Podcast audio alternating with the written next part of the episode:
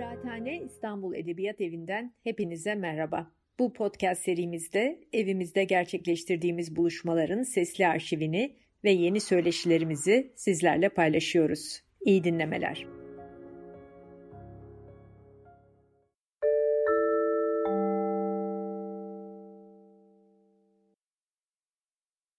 Evet, Modernlik dizimizin ikinci bölümünde edebiyatı ele alıyorum.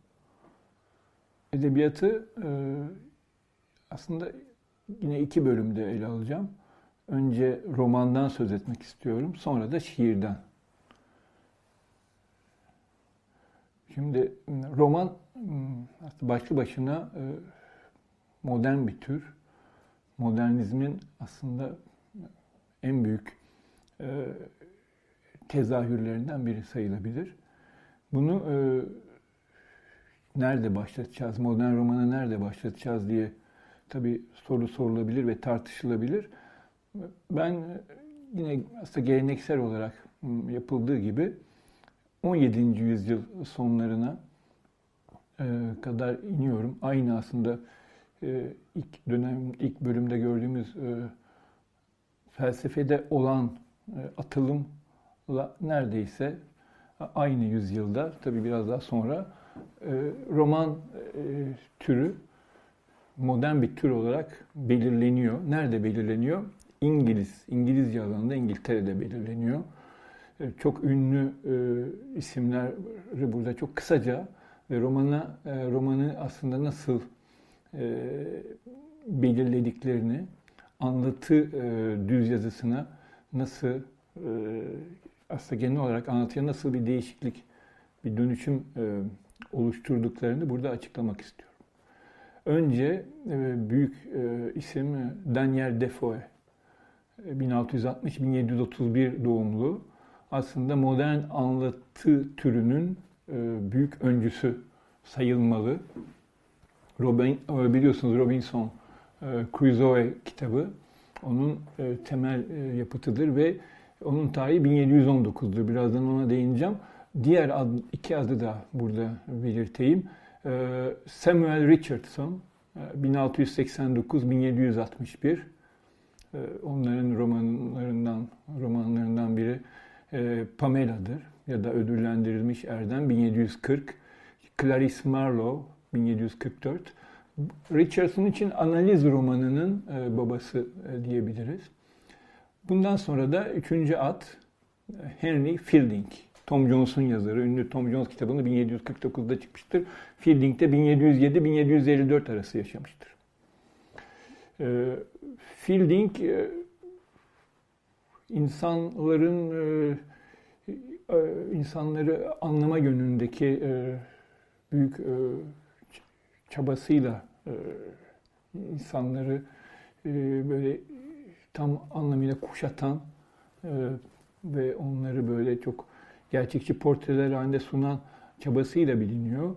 Özellikle canlı sahneleri ortaya çıkarıyor ve özellikle de sonradan tabii ki romanın en büyük bir şeylerinden, işaretlerinden biri olacak olan ögeye yer veriyor. O da güncel hayatta konumlanan konular. Güncel hayattan alınmış konulara verdiği ayrıcalık. Şimdi bu üç romancının ki e, tam çağdaş değil fark ettiğimiz gibi yani önce Defoe, sonra Richardson, sonra Fielding aşağı yukarı bir bunlar bir 100 yıl içinde ortaya çıkıyor. E, ama Robinson Crusoe 1719 dedik, Tom Jones da 1749 yani 30 yıl içinde bu üç romancı aslında yeni türü belirliyor diyebiliriz. Şimdi hangi ögeler burada e, öne çıkıyor? Hangilerini vurgulayabiliriz diye sorarsak e, en başta geleneksel konuların e, dışlanmasını burada almak istiyorum. E, geleneksel konuların dışlanmasından neyi anlamalıyız? Aslında bir karşılaştırma yaparak bunu anlayabiliriz. Özellikle Defoe ve Richardson İngiliz edebiyatında ilk kez konularını mitolojiden, tarihten, efsaneden ya da aslında daha önceki edebiyattan almayan yazarlar. Yani burada konu bakımından yenilik e, öne çıkıyor.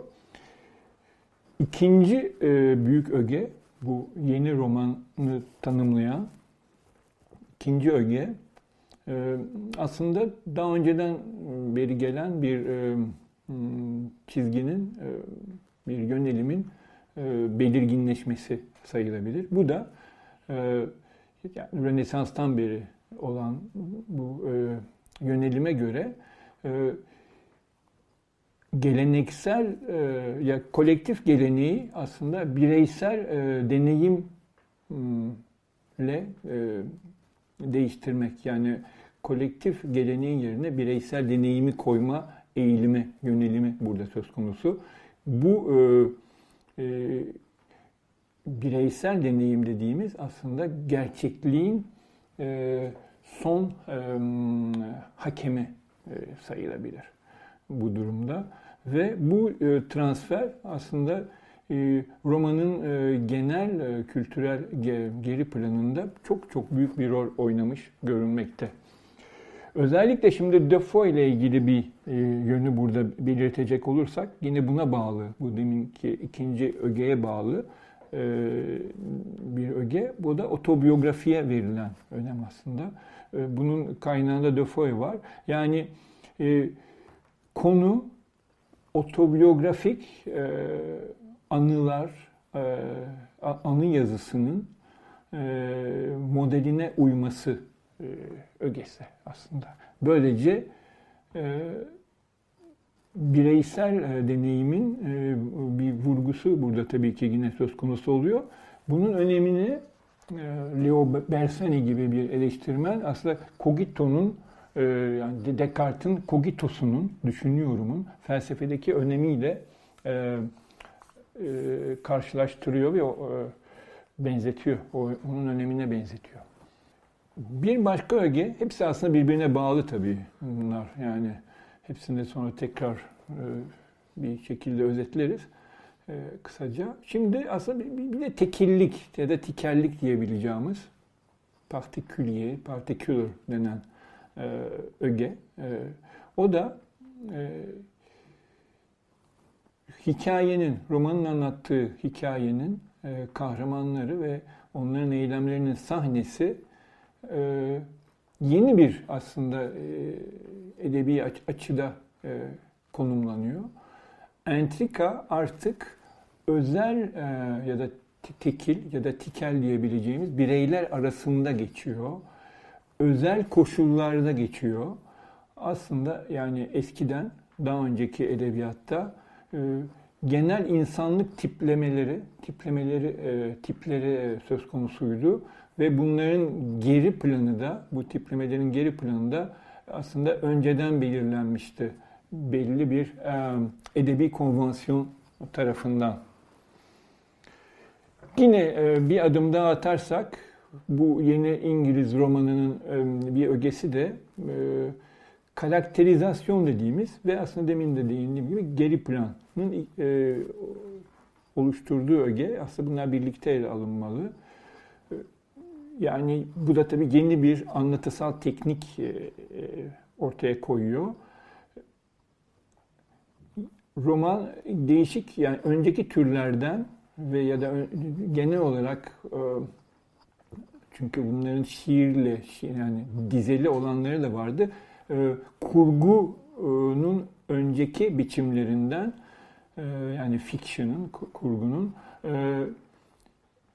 şu yönden ayrılmakta. İki, ikili yön dediğimiz gibi. Birincisi e, bireyleşme yani kişilerin, kahramanların bireyleşmesine verdiği önem e, burada söz konusu. İkincisi de onların çevrelerinin e, detaylı sunumu söz konusu. En sonunda e, özellikle Defoe'de yine ortaya çıkan e, zamansal süreç vurgusunu burada e, e, e, ele almalıyız. Aslında Rob, Robinson Crusoe ilk defa bireysel bir yaşamın imgesinin tarihsel sürecinde ele alındığı bir bir anlatı. Yani ilk defa tarihsel süreç burada ortaya çıkıyor.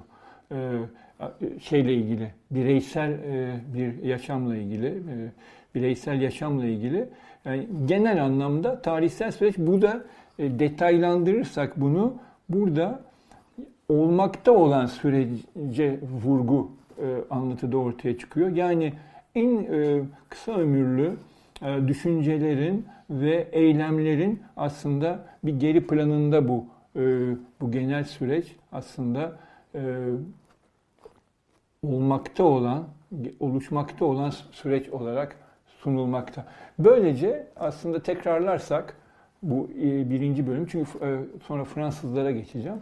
E, Daniel Defoe, Samuel Richardson ve Henry Fielding de şu ögeler yeni bir anlatı türünü yani bildiğimiz romanı bugüne kadar geçerli olan ilkelerinde belirliyor. Birincisi geleneksel konuların dışlanması. İkincisi bireysel deneyimin ortaya e, çıkarılması. Buna bağlı olarak otobiyografik e, özelliklerin e, vurgulanması. Bunun dışında, bunun ötesinde tekilliğin ya da özelin vurgusu, özelin vurgusuna ek olarak da karakterizasyon dediğimiz yani bireysel yaşamın karakteriz e, e, karakterizasyonu, e, belirginleşmesi, e, yani ona verilen özel bir dikkat tanımlanabilir bu. Ve e, buna bağlı olarak da bu kişilerin yani e, bireylerin, kahramanların bireyliklerinin e, çevrelerinin ayrıntılı olarak sunumu. En sonunda e, zamansal süreç, özellikle Defoe'de ortaya çıkan zamansal süreç e, söz konusu. Şimdi 19. E, yüzyıla yavaş yavaş girerken bu sefer romandaki e, bu atılımı Fransa'da e, Fransızların daha da ileriye götürdüğünü göreceğiz. Tabii ki karşılıklı etkileşimler bu sefer başlayacak. Mesela Fransız edebiyatı, bu sefer İngilizce edebiyatı da etkilemeye başlayacak. Mesela bir Henry James birazdan değineceğim. Etkilenmiştir Flaubert'den. Ondan sonra Rusları etkileyecek. Fransızlar. Burada Fransızlar modernliğin e, şiirde de göreceğimiz gibi bir çeşit odağında e, bulunuyorlar ve e, bugüne kadar ki bu süren bu modernliğin aslında başlıca yüzyılı Fransız edebiyatçılarının ama sadece edebiyatçıların değil ressamlarının da e, çok e, etkin oldu. 19. yüzyıl e, özellikle de ikinci yarısı 19. yüzyılın. Şimdi ama daha kısaca aslında bu ikinci yarısının öncesine değinmek gerekirse bir tarihsel devamını da korumak için deminki İngiliz yazarlarla önce Chateaubriand'ı alabiliriz. Onun ilk yapıtlarından sayılabilecek iki tane romanı var. Atala ve Goni adlı kitaplar 1801-1802. Ondan sonra burada e, Fransız e, tarzı ki sonuçta tabii İngilizlerle kesiş, kesişiyor, kesişecek. Daha da bu ortaya çıkacak, belirginleşecek Flaubert gibi bir yazarla. Ama da e, bu e, dönemde daha bu hatta romantizm öncesi, Fransa romantizmin öncesi bile sayılabilecek bu dönemde e, roman anlı kurgusunun e, alanına e, özel e, mesajlar, e, düşünceler, insan üstüne ve toplum üstüne düşünceler, e, yani olduğu e, gibi toplum ve olması gerektiği gibi toplum üstüne düşünceler burada. Yani tez e, devreye giriyor e, Chateaubriand'da. İkincisi de yine birey vurgusu. O kendi tarzında bunu yapıyor tabii. yani özellikle toplum içindeki bireyin beklentilerini dile, dile getiren bir bir anlatı tarzı burada söz konusu. Buna şöyle dene, denebilmiştir. Chateaubriand birinci tekil şahısı 19. yüzyıla sokuyor diye bir bir, bir cümleyle bu özetlenebilir. Hemen Chateaubriand'dan sonra çok fazla üstüne durmayacağım bu, e, bu ilk dönemin. E, Benjamin Constant'ın 1767-1830 arası yaşamış Adolf romanı 1816 analiz romanı. Bu da yani Richardson nasıl İngilizlerde analiz romanının başıysa Fransızlarda da özellikle Benjamin Constant e, bunun başına çekiyor. O insanın güçlerinin ve zaaflarının bir e, analizi, e, bir incelemesi ve e, e, bilinme uğraşı e, söz konusu.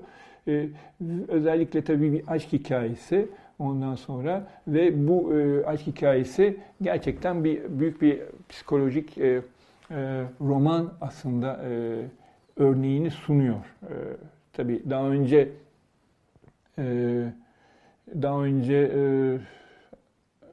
Chateaubriand hatta Madame de Stael ona değinmedik. Bu, bunu başlatmışlardı. Benjamin Constant bunu derinleştiriyor.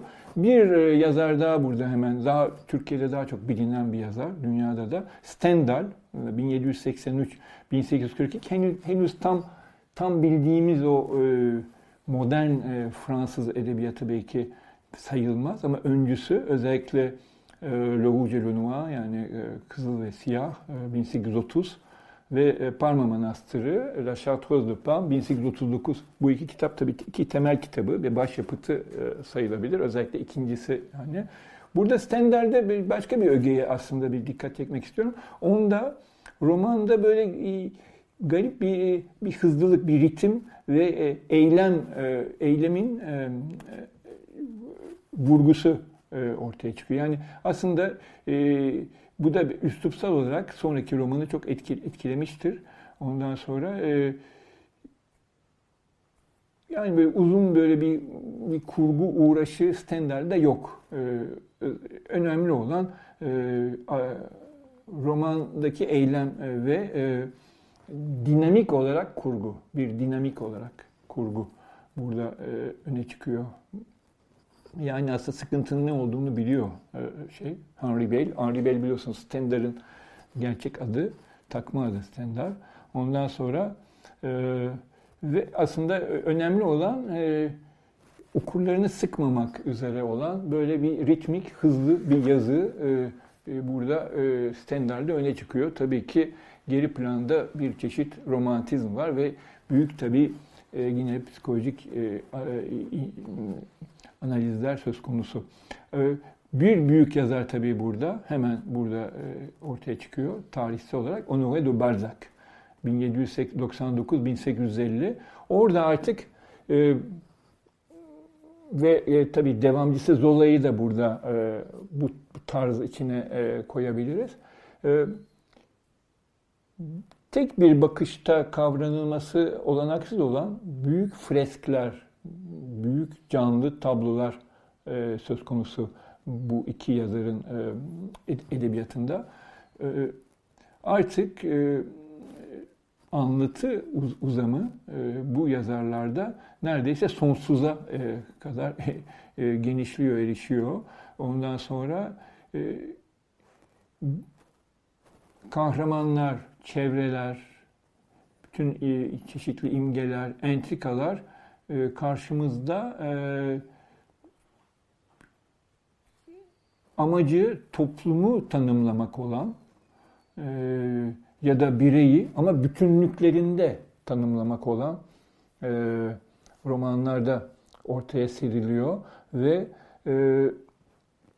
burada tabi tarihin yani yaşanılan zamanın içinin içinde bulunan tarihsel zamanın, çağın e, e, betimlemesi e, çok çok e, önem kazanıyor. Ama aynı zamanda da bir çeşit e, e, felsefi bir e, ya da psikolojik de denebilir bir e, çabayla da e, insan e, ruhunun aslında bütün karmaşıklığı, bütün bu tarihsel bağlam içinden ortaya konulmaya çalışılıyor. Ee, özellikle e, Balzac'ta, e, hatta Zola'da da bu yine geçerli. Ee, büyük bir kolaylıkla değişik aslında metin tiplerini bir araya getiriyor romanında, romanlarında. Yani anlatısal tabii ki başta, betim, betimsel metinler, hatta düşünsel metinler, argümantatif diyebileceğimiz metinler aynı yapıtta karşımıza çıkıyor. Yani aslında roman üretiminde o ana, o zamana kadar birlikte olmayan ögeler büyük bir tutarlık içinde bir arada bulunmaya başlıyor Balzac'la birlikte. Ee, yani şu da denilebilir, Balzac e, öyle bir biçim yarattı ki roman tam modernliğe, burada modern yaşam anlamında, toplumsal modernlik e, anlamında e, soktu. Yani romanı modernliğe sokan biçimi aslında buldu Balzac. Hem çağının işte tarihçisi, ve aslında toplum bilimcisi oldu. Çağının tarzlarını, yaşam tarzlarını, varoluş tarzlarını aslında resmederek hem de aynı zamanda insan ruhunun yine büyüklüklerini ve zaaflarının bir ressamı oldu Balzac. Şimdi tamamen birazdan değineceğim Baudelaire'in çağdaşı olan ve modern e, edebiyatta yeni belki yepyeni yani ortaya çıkışından beri modern romanın ortaya çıkışından beri yeni bir atılımı temsil eden Gustav Flaubert'i burada biraz daha biraz anmak lazım. O da 1821-1880 arası yaşamıştır. Ee, onda e, o yani onun için denebilir ki belki de üslubunu 19. yüzyılda en çok çalışmış üslup konusu üstüne en çok durmuş e, romancıdır. E, ve aslında 20. yüzyıldaki romanın e, aldığı yönlerin de en büyük belirleyicisi olmuştur. E, önce e, Flaubert e, şöyle çok detaylı belgesel araştırmalar yapıyor konusuyla ilgili. Ondan sonra ama aynı zamanda tabii düz yazısının niteliği konusunda büyük bir titizlik gösteriyor ve özel bir özen ve dikkat gösteriyor biçime. E, yani e, yapıtının, e, eserinin e, inşasına hem bilim adamının nesnelliğini getiriyor, hem e, tarihçinin e, dikkatini, e, özenini koyuyor. Hem de aynı zamanda yani tartışılmaz olgulara dayandırıyor romanını. Tarih tarihçinin ortaya çıkarabileceği gibi tarzla. Ondan sonra ve bir de e, bireysel e, davranışları e, öznel bakışıyla ele alıyor. Böylece e, bir e, edebiyat yani yazı zanaat karı karşımıza çıkıyor. Onda hatta neredeyse e, dilin, e, üslubun, her sözcüğün kendi bağlamındaki e, anlamının entrika, roman entrikasından daha bile çok önemi var yani. Böylece aşırı incelikle e, kurulmuş, inşa edilmiş bir planı oluyor eserinin ve durmadan aslında e, düzeltmeler yapıyor eserleri e, böyle neredeyse mesela e, hiç bitmemiş eserleri var. L'Education Sentimentale e, durmadan yazmış. Sonra yani duygusal eğitim. La Tentation de Saint Antoine, Saint Antoine'ın ivası üç kere yazılmıştır. Ondan sonra Bouvard et Pécuchet son romanı yarım kalmıştır, bitirememiştir. En en, en ünlü romanı da tabii belki, bence de başyapıtı Madame Bovary 1857'de yazılmıştır. Ondan sonra e, ve aslında mükemmel biçime belki orada ol, erişmiştir diyebiliriz. Sonra e, iki yazardan daha bahsederek roman bahsini burada kapatıyorum. Birincisi e, Marcel Proust.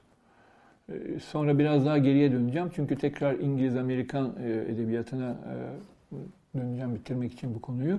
Marcel Proust'u şimdi anlıyorum çünkü Fransızlardan söz ediyorduk. 1871-1922 arası Şimdi bütün bu ögeler zaten belki farkına varılmıştır. Aslında herkes geçmişten yani bir öncekinden, öncekilerden bir şeyler alıyor. Aynı çizgide devam ediyor aslında.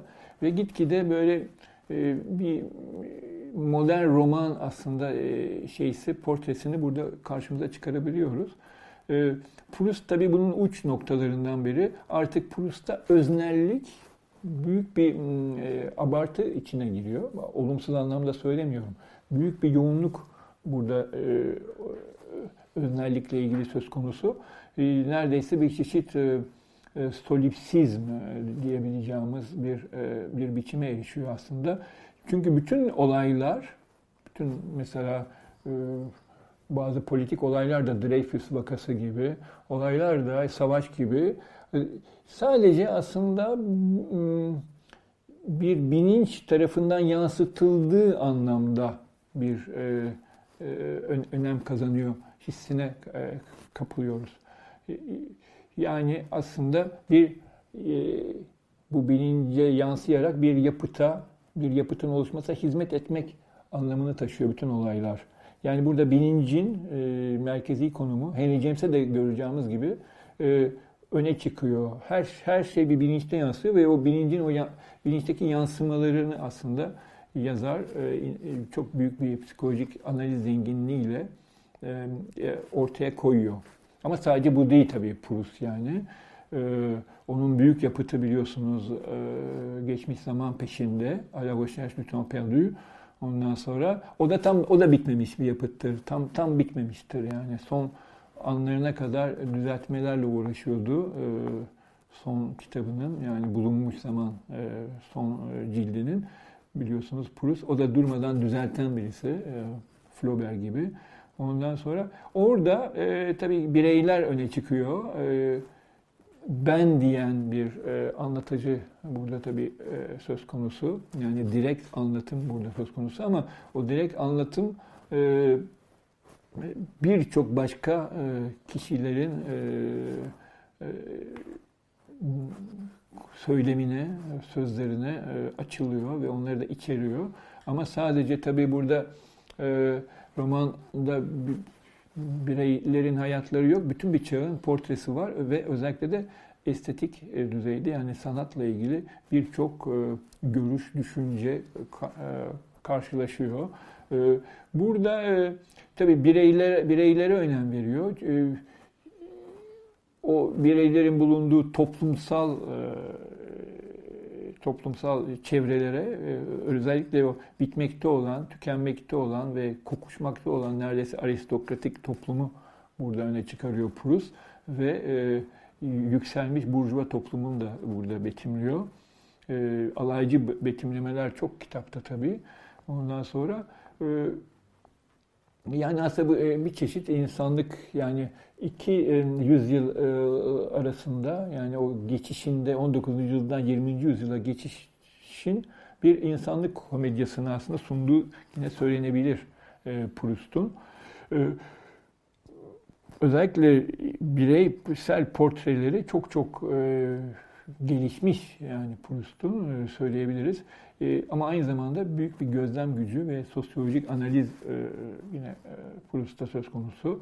Ondan sonra hatta onun için şey de denebilmiştir, benin, benliğin şairi ama aynı zamanda da 3. Cumhuriyet'in yani yaşadığı dönemin bir Saint-Simon'u yani Saint-Simon büyük 14. Louis döneminin şey büyük bir yazardır. O, dönemin bir anlatıcısıdır. Anılarında bütün o dönemi detaylarıyla anlatmıştır.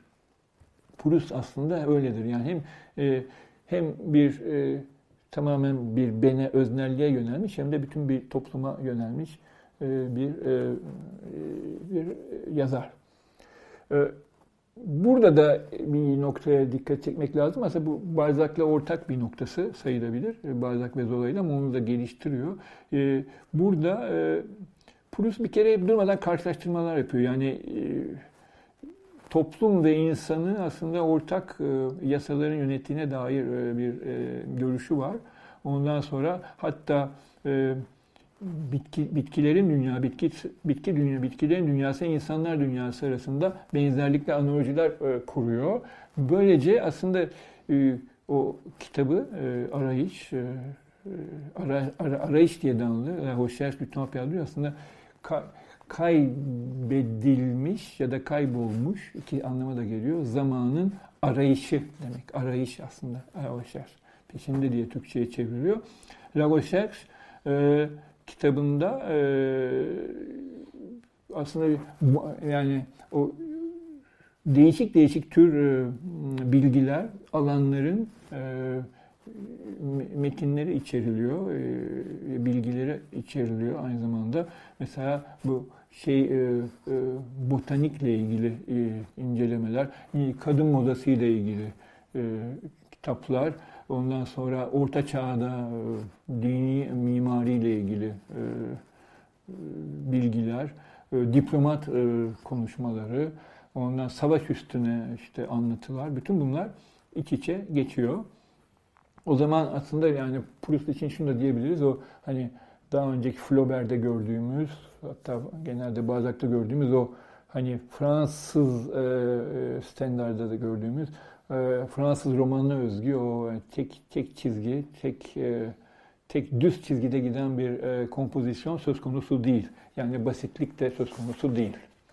En son şimdi e, şey e, geçeceğim. E, Henry James'e e, değinmek istiyorum.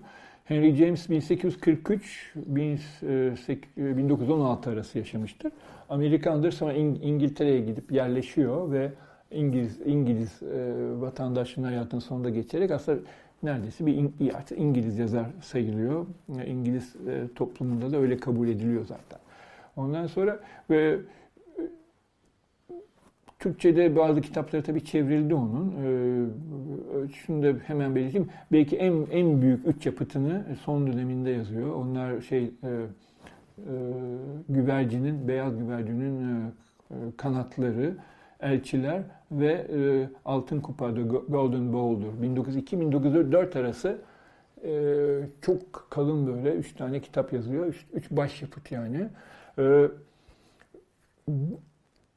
James'te biçim çok önemli. Yine e, Flaubert'ci bir yanı var. Flaubert'le zaten Paris'te tanışmış ve ahbaplık kurmuş. Turgenev'le de kurmuş. Başka Fransız yazarlarıyla da kurmuş aslında. Fransa'yla çok bağlantısı da olan birisi e, Henry James ve ikide bir Paris'e gidip Paris'te de kalan birisi. Ondan sonra e, edebiyat e, onun için bir e, biçim sorunu. Ondan sonra demiş diyor ki e, hayatı e, e oluşturan sanattır ve sanat eserlerini kurtaran da bir tek biçimdir diyor. Şimdi e, yine e, Henry James'te e, ruh analizleri e, çok e, büyük bir yer tutuyor. Ondan sonra ve e, tabii ki çok incelmiş bir yazı tekniği burada karşımızda. Yani hiçbir örneği olmayan, önce ya da sonra neredeyse bu kadar incelmiş analizlere rastlamak çok zor. Bütün e, roman e, e, tarihinde. Ondan sonra ve e,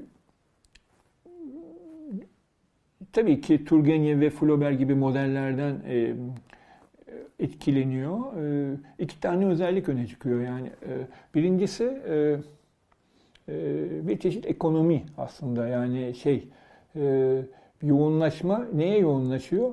Her şey romanlarında merkezi e, konuya e, bağlanıyor. Yani aslında önemli olan o e, merkezdeki, kitabın merkezindeki konu öbür e, diğer e, unsurlar ikincil ya da e, onun adına aslında e, kurban edilmiş unsurlar oluyor. İkincisi de e, ikinci öge James'te ortaya çıkan yapı, inşa, inşaat diyeceğimiz yapı, inşa. Burada burada bir yani kurgu, kurgu da diyebiliriz. Konstrüksiyonu yani inşası. Romanın merkezinde aslında bir bilinç var. Bir bilinç var, bir bilinç aslında e, olayların yansıdığı, bütün olayların yansıdığı e, bir ayna aslında. Bütün olaylar o bilinçten yansıyor. Böylece e, bir içe e, çekilen böyle bir çeşit bir, bir, bir bilincin felsefi terimlerle içkinlik düzlemine e, çekilmiş bir e, bir e, bir açı var aslında e, ve bu tabi e, konuyu biraz bulandırıyorlar. Çünkü e, o, o bilincin içine dalıyoruz ve bütün karmaşıklığıyla ve bütün akışıyla dalıyoruz ve o oradan olayların aslında yansımalarını o onun durumuna göre, o değişimlerine göre sezinliyoruz. Al, sezinlemek zorunda kalıyoruz. Çünkü o bilincin içine e, içine bizi e, götürmüş oluyor anlatı. O, ama tabii ki e, romanın kurgusu tamamen çok ölçülü, çok çok detaylı oluşturulmuş tam Flaubert'deki gibi. Hatta böyle bir çeşit simetri söz konusu biçimler arası şey bölümler arasında hem de yine Flaubert'te olan bir de, derece derece yoğunlaşma, artma e, e, söz konusu. Gradasyon dediğimiz şey sonu, e, söz konusu. E, bir çeşit aslında James James metodu var diyebiliriz aslında. Bunu çünkü şöyle ortaya çıkabiliriz. Özellikle o üç büyük romanı yazdıktan sonra bütün eserleri için yazdığı ön sözler var. Orada projeyle romanın e, bitmiş roman arasındaki farkı kendisi de çok iyi belirtiyor. İlk başta aslında kafasında e, yani yöntemini burada açıklamaya çalışıyorum. İlk, ilk başta e, kafasında James'in çok net bir, bir bir durum var aslında. Ondan sonra ama bu durum roman ilerledikçe kahramanın o bilinci dediğim merkez tarafından gitgide bulan, bulanıklaşıyor, bulanıyor. E, değişik renkler alıyor, değişik şekiller almaya başlıyor ve e, böylece e, karmaşıklık e, süreci başlıyor. İçsel kökenli e, bir e, karmaşıklık e, başlıyor ve böylece de aslında e, gerçekliğin e, bağlandığı kaynak e, bir e, bireyin bilincinin izlenimleri ve onların kümesi ve değişken ve sürekli kümesi olmaya başlıyor. O zaman tabii e, burada e, e, şunu söyleyebiliriz. Bir çeşit aslında içsel kaostan gerçeklik yansıyor ve yansıyabildiği kadar yansıyor ve burada okuru biraz hem zorluyor hem de o olayları o içsel düzlemde e, e, izlemesini okurun e, sağlıyor. E, takip etmesini sağlıyor. Evet. E, çünkü aslında e, James'e göre e, yaşam e, yani bir iç, iç, içsel kaostan aslında e, ele e, alabileceğimiz e, bireyin içsel bir e, yoğunluk kaos diyebiliriz ya da böyle bir iç, belirsiz bir içkinlik e, akışı diyebiliriz. E, tabii ki zamansal bu. Oradan aslında e, gerçeklik söz konusu olabiliyor bir birey için. Ve roman da bunu aslında bir şekilde ortaya koyuyor. James'in romanı. Evet, 20. yüzyıl romanına burada tabii ki girmek gerekirdi. Evet, bütün bunlar, bu yazarlar çok büyük e, etkisi olmuş yazarlardır. E, burada tabii 20. yüzyıla girecek olsaydık e, hemen sonraki yazarları Proust'tan ele alırdık. Fransa'da belki André Gide alırdık. Ama tabii ki Rusları burada hiç ele almaya fırsatı bulamadık.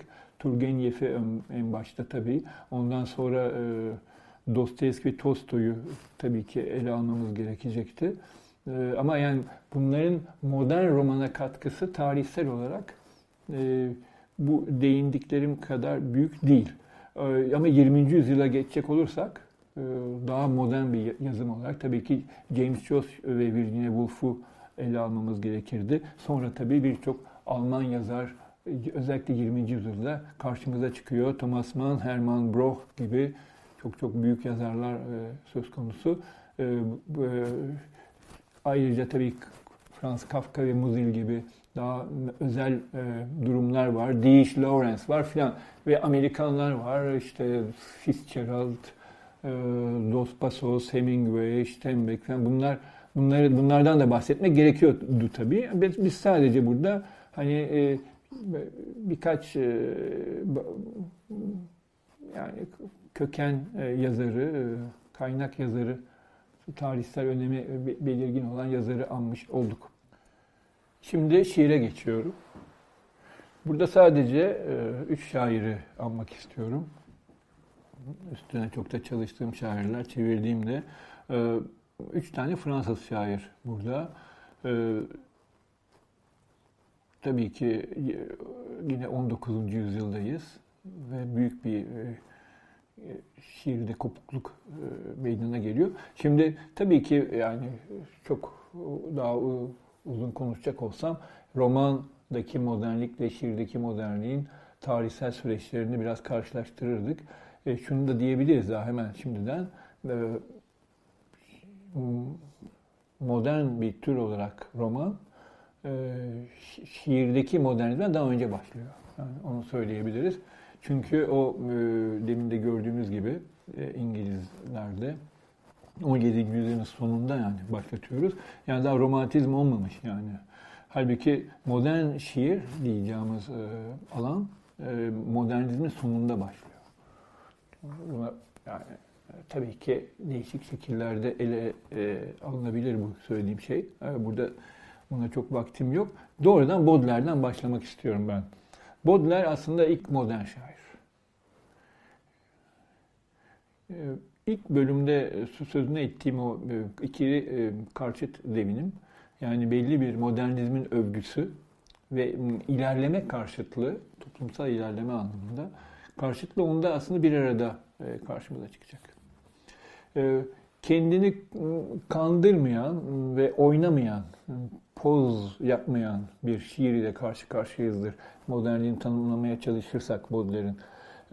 Bu durum Baudelaire'in romantizmden e, kopuşunu belirten e, başat ögelerden biri.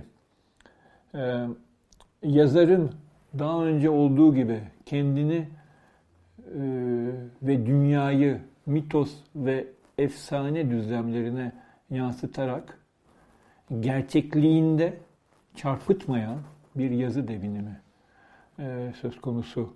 Bir e, Baudelaire'in terimi mizanü dediği, kendi günlüklerine koyduğu başlık bir çıplak gösterme girişimi söz konusu. Yani olduğu gibi gösterme e, söz konusu. E, yazar e, belki şiir tarihinde ilk defa e, yıkıntılarını ve uçurumlarını artık gizlemeyen e, bir dünyada konumlanıyor ve böylece e, kendi e, eksikliğinin, e, yoksunluğunun, eksiklerle e, dolu varlığının zorlu ve kırılgan alanına adım atıyor ve sanatsal yaratının amaçladığı güzelliği ki bu terim onun için önemli birazdan değineceğim. Bundan böyle bu zor gerçeklikte kovalıyor. Yine ben gerçeklik vurgusunu yapıyoruz. Şunu unutmamak lazım. E, Les Fleurs du Mal, Kötülük Çiçekleri, baş yapıtı, yani büyük şiir yapıtı Baudelaire'in 1857'de yayınlanıyor. Aynı e, Madame Bovary gibi. Flaubert'in Madame Bovary ise de 1857'de yayınlanıyor. İkisinin de zaten e, davası ünlüdür. birbirini de destekliyorlar ve belli bir dostlukları da var ikisinin. Flaubert ve Baudelaire'in ve gerçeklik, e, gerçekçilik e, e, açısı, vurgusu burada önemli. Ama tabii ki birbirinden çok farklı yazarlar. Sadece tür olarak değil, anlayış olarak da. Şiirin tanımını nasıl yapıyor diye sorarsak yine Baudelaire'in modernizmini açıklamak için şöyle bir, bir tanım yapıyor Edgar Poe üstüne. Çünkü çevirdiği Edgar Poe'nun e, hikayelerine yazdığı notlarda e, şiir diyor e, Baudelaire ölüm ya da zafiyet pahasına bilim ya da ahlak ile bir tutulamaz. Onun nesnesi hakikat değildir. Onun nesnesi bir tek kendisidir. Çok önemli görüşler bunlar bütün modern şiiri etkileyecek. Başka yine e, bu metinden bir alıntı yapacak olursam e, şunu söyleyebilirim. Böylece şiirin ilkesi diyor e, Baudelaire, kesin ve yalın olarak üstün bir güzelliğe dönük insani yönelimdir. Ve bu ilkenin tezahürü ruhun bir coşkusunda, bir uyarısındadır. Kalbin sarhoşluğu olan tutkudan ve aklın yemi olan hakikatten tamamıyla bağımsız coşku. Burada hakikat kavramı e, e, Baudelaire için daha çok bilimsel e, bir bir hakikat anlamında ya da ahlaksal demin gördüğümüz gibi bir hakikat an, anlamını anlamındaki bir hakikat. Yoksa hani e, ya öznerliğin hakikati falan gibi bir bir bir şeyden burada söz, söz etmiyor yani. Hakikat verite dediği şey yani e, şiirin konusu değil demek istiyor. Ama bilimsel ya da ahlaki e, hakikat olarak değil kalbin sarhoşlu olan tutkudan bağımsız coşku dediği e, noktada da şunu o zaman iyice gö- görmüş oluyoruz. Yani romantizmden kopuşu. Yani artık bir kalbin sarhoşluğu söz konusu değil, tutku söz konusu değil burada. E, başka bir e, bir coşku, başka bir uyarı söz konusu. E, e güzelliğe dönük insani yönelim dediğinin aslında e, o söz konusu olduğunu burada belirtelim. Ee, düz yazı şiirleri de biliyorsunuz var. Ee, Paris e, sıkıntısı diye Türkçe'ye çevrildi. Le Plain de Paris. Plain tam sıkıntı demekti yani. Ona birazdan değineceğim. Düz yazı şiir için de şunu diyor. Çünkü düz yazı şiir de Baudelaire'le birlikte yepyeni çok üstün bir tür olacak ve 20. yüzyılda 20. E, yüzyıl edebiyatında, Roverdi'de, daha başka şairlerde çok karşımıza çıkacak. Türkiye'de de en iyi düz yazı şiirleri yazan Oktay Rıfat olmuştur. Bunu da burada belirteyim. Ee, düz yazı şiir içinde şunu diyor. E, kitabın ön sözünde ki İtaf'ta 1861'de hangimiz ihtiras günlerinde ritim ve kafiye olmaksızın müziksel e, nefsin lirik devinimlerine, düşlemenin dalgalanım, dalgalanımlarına, bilincin sıçrayışlarına uymak için yeterince esnek ve yeterince karşıtlık yüklü bir şiirsel düz yazının mucizesini düşlemedik. Burada nasıl anlattığını görüyorsunuz. Yani aslında e, e, ritim ve kafiyenin e, den arınmış bir e, düz yazı şiiri burada e, tanımlanıyor. Onun da e, müziksel olabileceğini belirtiyor ve e, aslında ruhun e, ya da yani nefsin yani am dediği şey e, tam anlamıyla aslında nefs demek nefsin lirik devinimlerine e, düşlemenin hayal gücünün dalgalanmalarına bilincin sıçrayışlarına uymak için uygun bir biçim olarak görüyor şeyi düz yazı şiiri. Evet, şimdi e, kısaca e, burada tabii çok uzun uzun e, anlatmak isterdim Flaubert'i, şey Baudelaire'i.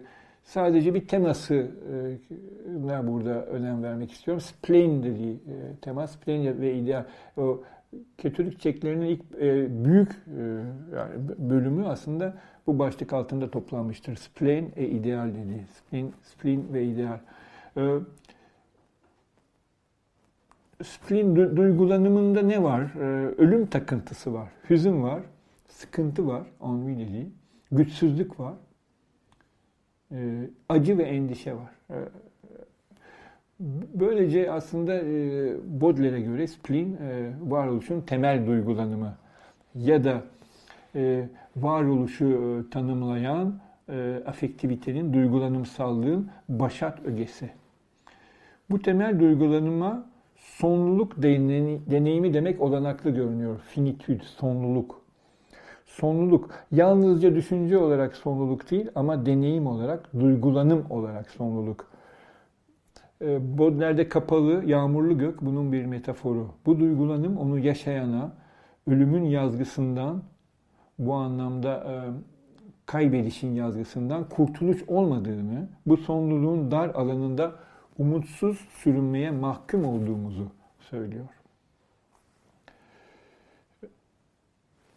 Oysa Le Fleur du Mal'de e, sonluluk deneyimi olarak Splin'in ifadesine ideale yönelik devinimin ifadesi karşı geliyor. Splin e, ideal bölümünün henüz ilk şiiri, ünlü uzun şiir, e, hayır duası diye çevirebiliriz. Hayır ya da hatta lütuf diyebileceğimiz benediksiyon şiiri. Şairin doğuştan gelen ve önce annesinin kininde sonra toplumun ve eşinin gaddarlığında ifade bulan lanetine değindikten sonra Tanrı'ya e, hayır duasına yer veriyor. Burada acı, souffrance dediği, e, Baudelaire'den alıntı yapıyorum, iffetsizliklerimize tanrısal bir ilaç olarak nitelenmekte. Bunun az ötesinde biliyorum ki acı, burada douleur diyor, biricik asilliktir. Yeryüzü ile cehennemlerin asla ısırmayacağı. Şair, e, şiir şairin mistik tacını örmesinden söz ediyor ve bunun göz kamaştırıcı ve aydınlık saf ışıktan oluşmuş güzelliğini işaret ediyor. Çünkü diyor, çünkü o bir tek saf ışıktan yapılmış olacak, çıkarılmış, ilksel ışıkların, ışık, e, ışınların kutsal odağından ve ölümlü gözler bütün ihtişamlarında ancak aynalarıdır onun, kararmış ve sızlanan. Burada şairin içinin, şiirin amacının güzellik üretmek olduğu e, belirtilirken bu üretimin ya da yaratının kaynağını nasıl östel olarak acıda bulduğunu e, vurgulanmakta.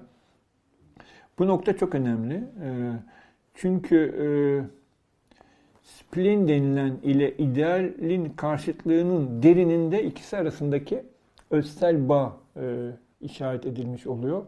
Başka deyişle eğer şiir ideale yönelimin başat aracılığı ise ve bu anlamda üstün bir mutluluk ve haz olanağını barındırıyorsa bunu kaynağını splinde, splini tanımlayan acıda alıyor olarak yapabiliyor. Kısaca splinin acısı idealin mutluluğunun kökeni. Ee, öyleyse koşulu. Evet, bu e, çok önemli e, noktaya e, değinip değindikten sonra e, evet ya en son şu, şunu da söyleyeyim. E, Le Fleur e, varoluşun temel duygulanımı dediğimiz spleen e, ne?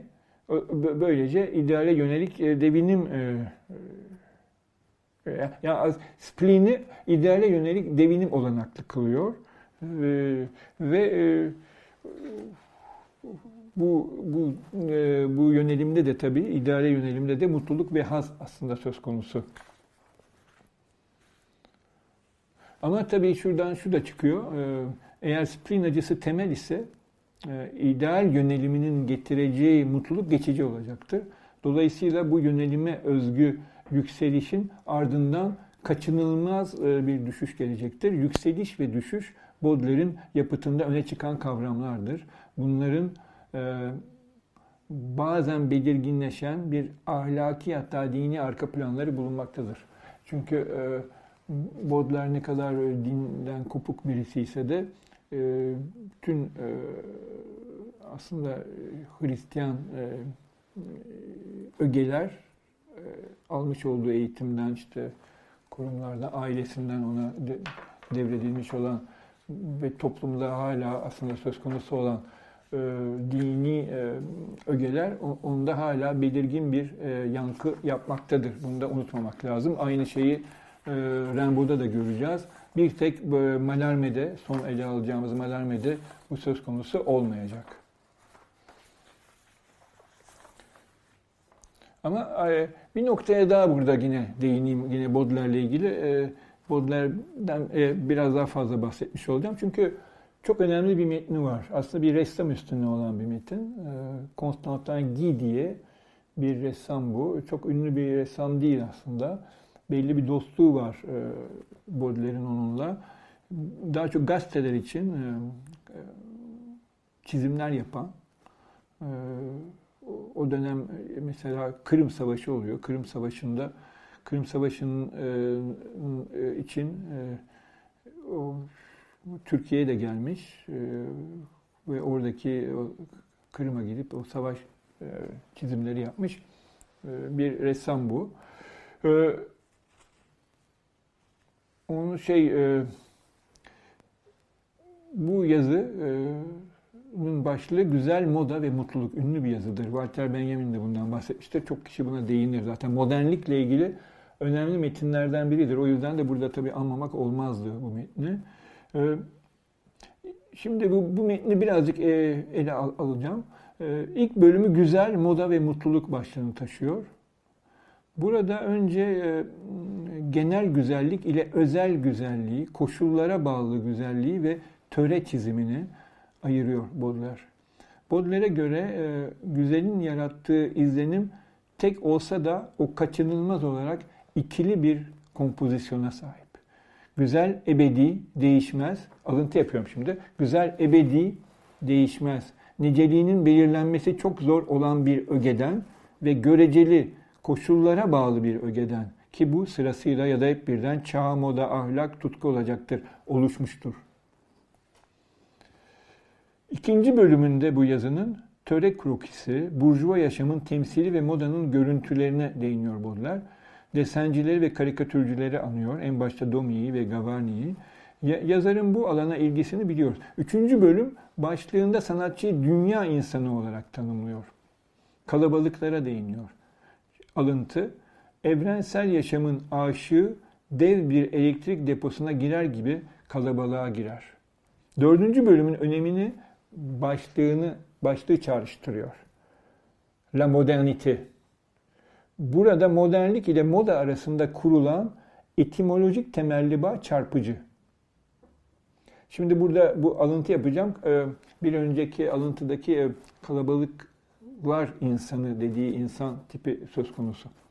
O yani kalabalıklar insanı modernlik diye adlandırmamıza izin verilecek olan çünkü söz konusu fikri ifade etmek için daha iyi sözcük karşımıza çıkmıyor. O bir şeyi arıyor. O bir şey.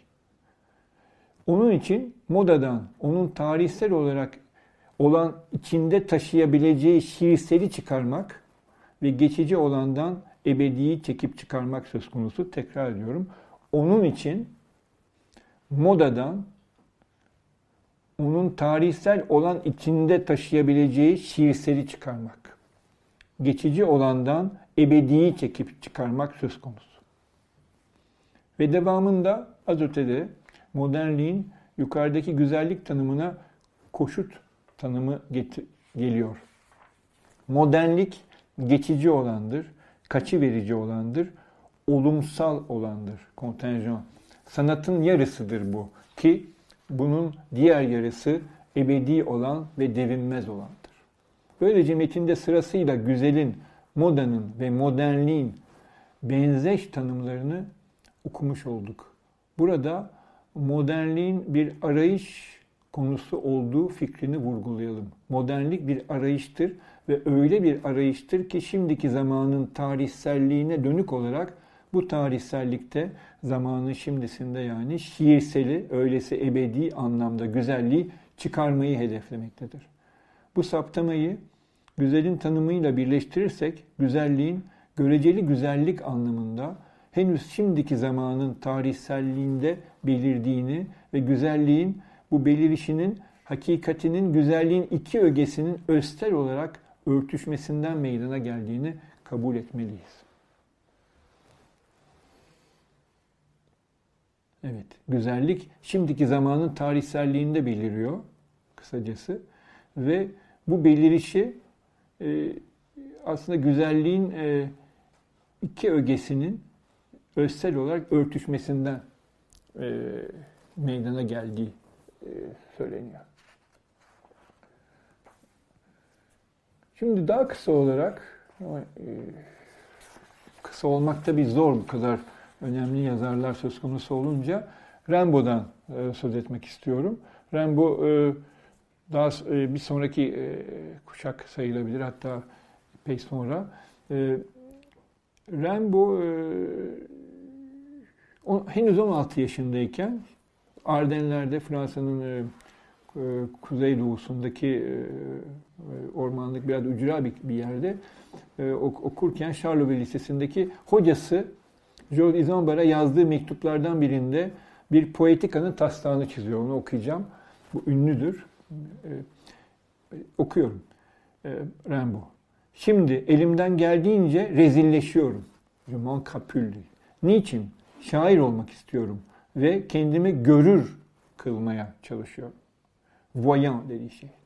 Hiç anlamayacaksınız ve ben size bunu neredeyse açıklayamam. Bütün duyuların düzeninin bozulması yoluyla bilinmeze erişmek söz konusu. Acılar çok büyük ama güçlü olmak, şair doğmuş olmak gerekir ve ben kendimi şair tanıdım. Bu benim hatam değil. Düşünüyorum demek yanlıştır. Ben düşünülüyorum demek gerekir. Sözcük oyunu için bağışlayın.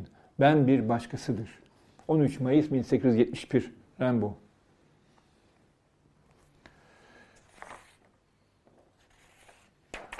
Ee, aynı formül aslında aynı e, diyeyim e, iki gün sonra yazdığı mektupta bu sefer Poldemini'ye yazdığı mektupta karşımıza çıkıyor. Yine Rimbaud'dan alıntı yapıyorum. Çünkü ben bir başkasıdır. Eğer bakır, borazan olarak uyanıyorsa bunda onun hiçbir yanlışı yoktur. Bu benim için apaçık. Düşüncemin çiçek açmasına tanık olmaktayım. Ona bakıyorum, onu dinliyorum bir yay vuruşu yapıyorum. Senfoni derinliklerdeki kımıldanışını gerçekleştiriyor ya da bir sıçrayışta sahneye geliyor. 15 Mayıs 1871. Bu ünlü görür mektubu diye anılan mektup, mektup. Bunun son bölümünde bir önceki mektuptaki düşünceler açılıyor. Bütün bunlar e, Rimbaud'un poetikası için aslında gerekli e, bilgiler. Görür olmak kendini görür kılmak gerektiğini söylüyorum. Şair bütün duyuların uzun, kocaman ve düşünülmüş bir düzen bozulmasının yoluyla kendini görür kılmaktadır. Bütün sevgi, acı, delilik biçimleri o arar. Bütün zehirleri kendinde tüketir. Bunların en ince özünü elinde tutmak için.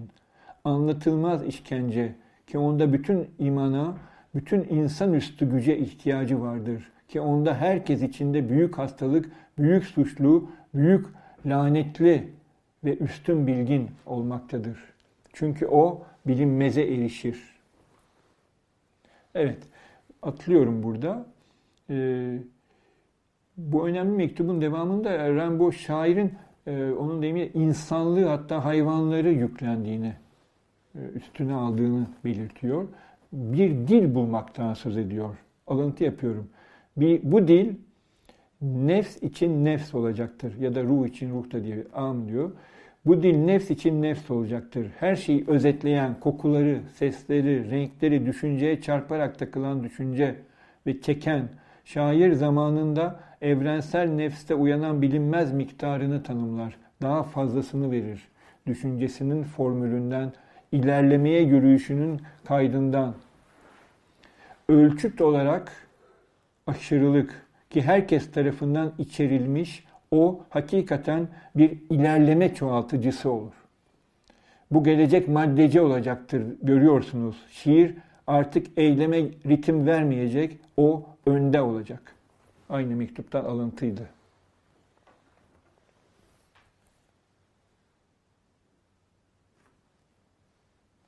Evet. Bu erken poetik 16 yaşında aslında e, eklem noktaları olarak şiirsel projenin bütün duyuların düzeninin bozulması yoluyla bilinmeze erişmek olarak tanımlanmasını ki bu durum kendini görür kılmak çabasıyla örtüşüyor. Bunda öznerliğin başka olana açılmasının ve kendini başka olarak sınamasının söz konusu olmasını, başkalık vurgusunu yani ve ardından şairin evrensel bir yükü ya da sorumluluğu olduğunu, ayrıca şiirin yeni dilinin duyulardan düşünceye, öznelliğin bir genişlemesinin, ta bilinmeze kadar bir genişlemesinin ifadesi olacağı, son olarak da şairin ulaşacağı bu aşırılık derecesinin toplumsal ilerleme ile, öylesi devrim fikriyle doğrudan bağlantılı olduğu savlarını ayırt etmeliyiz.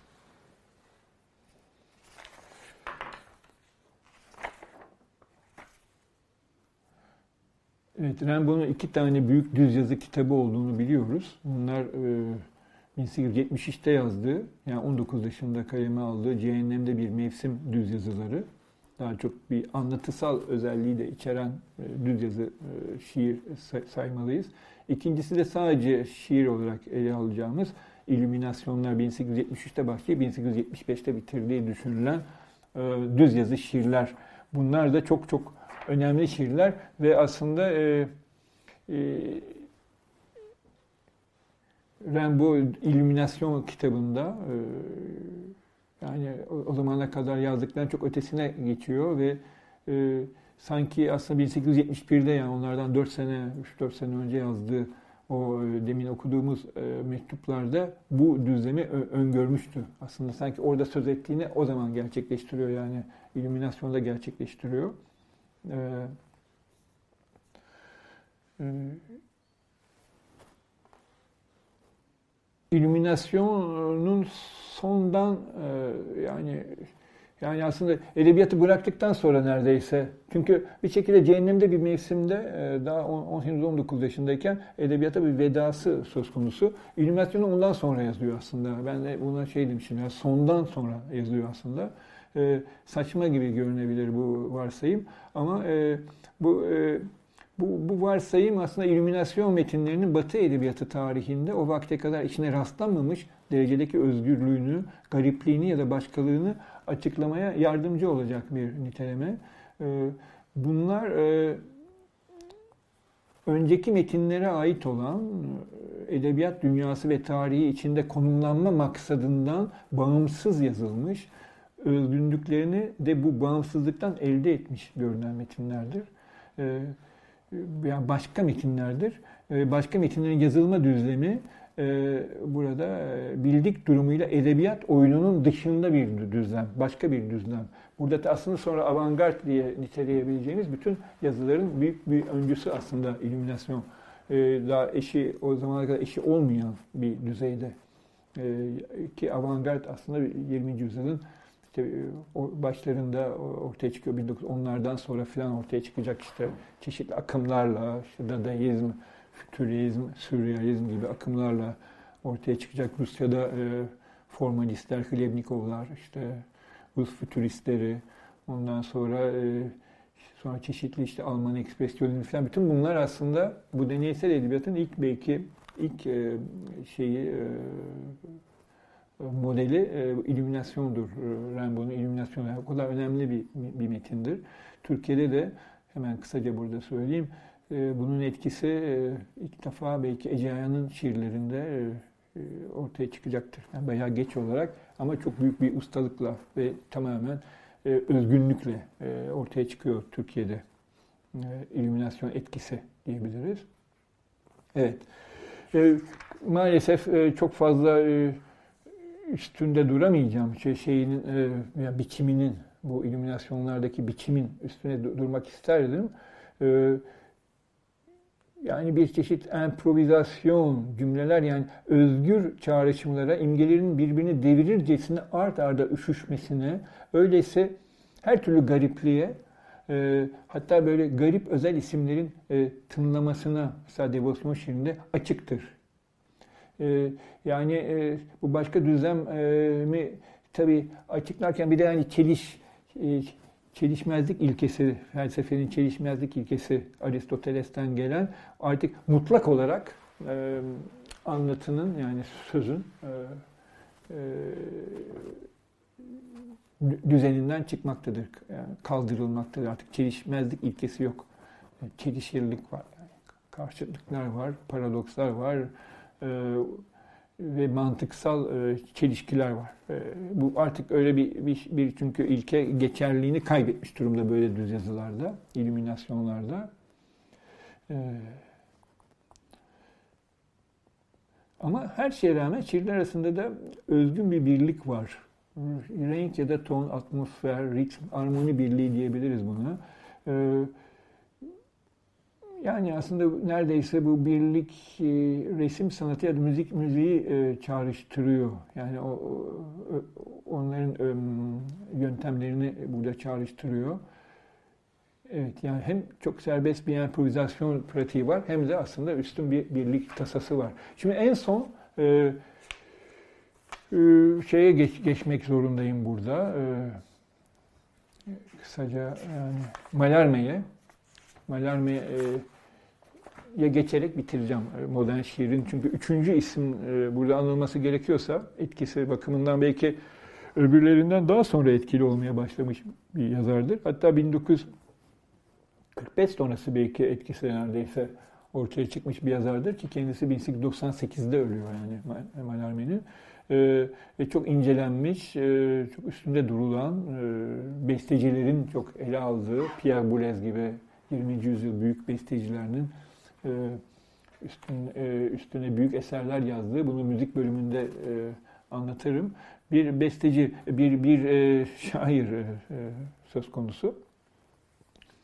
E, modernitenin teknolojik, ekonomik, politik dönemecinde belli sanat akımlarıyla birlikte yani Fransa'da Baudelaire, Parnas akımı, sonra sembolizm, Avrupa'da Wagner bu döneme ait kutsallık yitimine sanatta modernizm yoluyla karşı koyma çabasında olanların başlıca figürlerinden biridir. Çok önemli bir, nokta burada. Yani kutsallık yitimi söz konusu. Dinin e, etkisi azalmış. E, e, modern topluma girilmiş.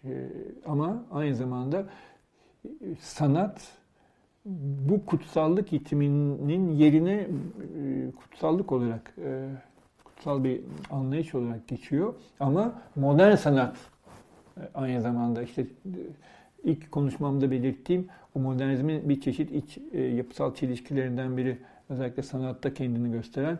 Yani bir yerde modernizm var, bir yerde de modernizme karşı bir atılım ama modern araçlarla gerçekleştiriliyor. Bu e, sanatta modernizm yoluyla bir karşı koyma aslında e, söz konusu modernizme. E, Malermeyi ayıran nedir e, ve çağ içinde biricik kılan nedir diyebiliriz ki e, yani bir çeşit bir önce bir Baudelaire sonrası şairdir. Baudelaire'in etkisini özümsemiş, onun katkısıyla beslenmiş. Baudelaire'in devamında e, sanatın işi olan Baudelaire'ci çizgide ideal arayışının e, tam da e, şimdi ve buradan insanın modern sefaletinin, yabancılaşmasının gerçekliğinden yola çıkması gerektiğini anlamıştır. Yani ideal arayışı bu e, insanın modern sefaletinden, yabancılaşmasından yola çıkacak. Şimdi ve buradan yola çıkacak. Yani bu Baudelaire'ci yanı e, şeyin e, Mallarmé'nin. Mallarmé Baudelaire'deki merhamete, onun üstüne değinemedik ama Baudelaire'de olan bir e, atılımdır. Baudelaire'deki merhamete, tensellik paradokslarına ve hakiki yer arayışlarına yabancı olmamıştır. Oysa Baudelaire'den farklı olarak Mallarmé'de hiçlik hiçlik sınamasının mutlak bir sınıra yaklaştığı belirtilebilir. Bu sınır Erodiyat adlı bitmemiş büyük şiirinde ve onun az sonrasındaki yine bitmemiş düz yazı İgitür projesinde e, e, mevcuttur. Sorun şöyle tanımlanabilir e, görünüyor. E, fenomenal alanı sarmış görünen anlam yoksunluğu belli bir edim yoluyla anlam bütünlüğüne dönüştürülebilir mi? Yani mutlağa. Yani anlam yoksunluğundan anlam nasıl elde edilebilir? Hangi edim yoluyla elde edilebilir? Bir dönüştürme e, söz konusu burada. Bu dönüştürme şiir ediminin işi olacak Malarme'ye göre. Malarme'nin şiirden beklediği bu dönüşümü şiirin gerçekleştirmesidir. Hiçlik olgusu dönüşümün odağıdır. Çünkü rastlantının egemenliğini ifade eden hiçlik tam da bu saptamanın yapıldığı anda gerçek ve hakiki varlığın, varlığın olanaklılığının görülmesini ve üstlenilmesini belirtmektedir. İki türde e, gece yarısı, minvi göndermesi e, bu anı ifade eder. Malarme'nin şiiri sürekli olarak ölümden dönen bir şiirdir. Bir ölümden dönmüş olanın şiiridir.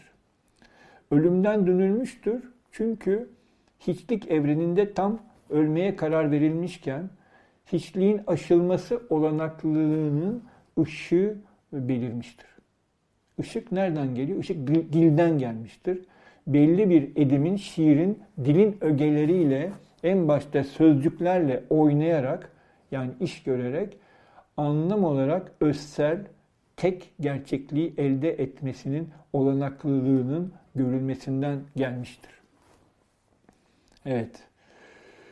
Ee, burada tabii en son şununla bitir, bitireceğim. Ee, bu e, ışığın e, bir hayal olup olmadığı konusunda Malerme aslında bütün yaşam boyunca e, düşünmüştür. Bir çeşit kuşku duymuştur bu projesinden, o dönüştürme projesinden.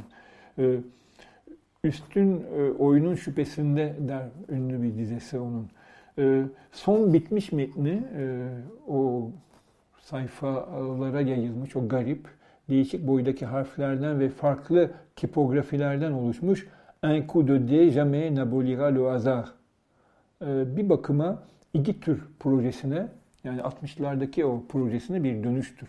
Bu 1897'deyiz burada. Ee, Un coup de dé jamais n'abolira le hasard e, Türkçe'ye çevirirsek şey e, bir e, zar atışı hiçbir zaman tesadüfü kaldırmayacaktır. Ortadan kaldırmayacaktır. Yani aslında ortadan kaldırılması bütün edebi projesiyle, şiir projesiyle, sözlükler yoluyla ortadan kaldırılması söz konusu olan tesadüfün, rastlantının aslında ortadan kaldırılamayacağını belirten bir şiir aslında burada söz konusu e, bu son şiirinde. Yani aslında bir e, çeşit başarısızlık e, ifadesi gibi ama bu ifadeyi e, ortaya koyarken de bir başyapıt, e, şiirsel başyapıt e, karşımıza çıkıyor. Böyle paradoksal bir durum söz konusu aslında. E, yani aslında İran sanatının ortadan kaldırılmaması ne demek? Hiçliğin yenilemeyeceği, mağlup edilemeyeceği demektir. Açık olarak yapı, yapılıyor bu kitapta. Olanaksızlığın nedeni edimin kendisi aslında. Mutlak mutlağı vermesi beklenen edimin kısır döngü niteliği. Rastlantıyı kaldıracak edim de rastlantısal bir edim. Onu diyor şiirin baş. Rastlantıdan arınamayan bir, bir edim söz konusu. Dünya içinde, dünyanın zamansallığı, öylesi olumsallığı içinde gerçekleşen bir edim. Sonlu bir edim. Sonlu olarak edim. Yine burada sonluluk vurgusu Baudelaire'de gördüğümüz söz konusu. Burada içkinlik içinde aşılmaz olanın aşkınlığının sınaması söz konusu bence. Dünyanın zamansal olumsallığının yani içkinliğinin dışında konumlanmak olanaksız. Malarme'nin son çabasında reddedilen zamansala karşı uzayın, kozmik uzayın bir benzeşi olarak sayfa uzayının öyleyse mekanın yardımına başvurduğu belirtilebilir. Değişik boyutta ve tipografide sözcüklerin sayfa uzayına yayılmasının rastlantı zamansallığına ait okuma ve anlama e, alışkanlıklarını, stereotiplerini bozmaya, bozguna uğrattığı, uzaysalın belirlenimine özgü bir eş zamanlılık ve bunun da ötesinde bir ebediyet, başı sonu olmayış izlenimi yarattığı öne sürülebilir. Ama e, zaten e, metnin e, konusu e, bir deniz faciasıdır, bir naufraj. Yani metnin sonucu da açıktır. Rastlantının kabulü, öyleyse dünya zamansallığından, dünya içinde kurtulamayacağının, e, insanın kurtulamayacağının vurgusu burada e, yapılmaktadır.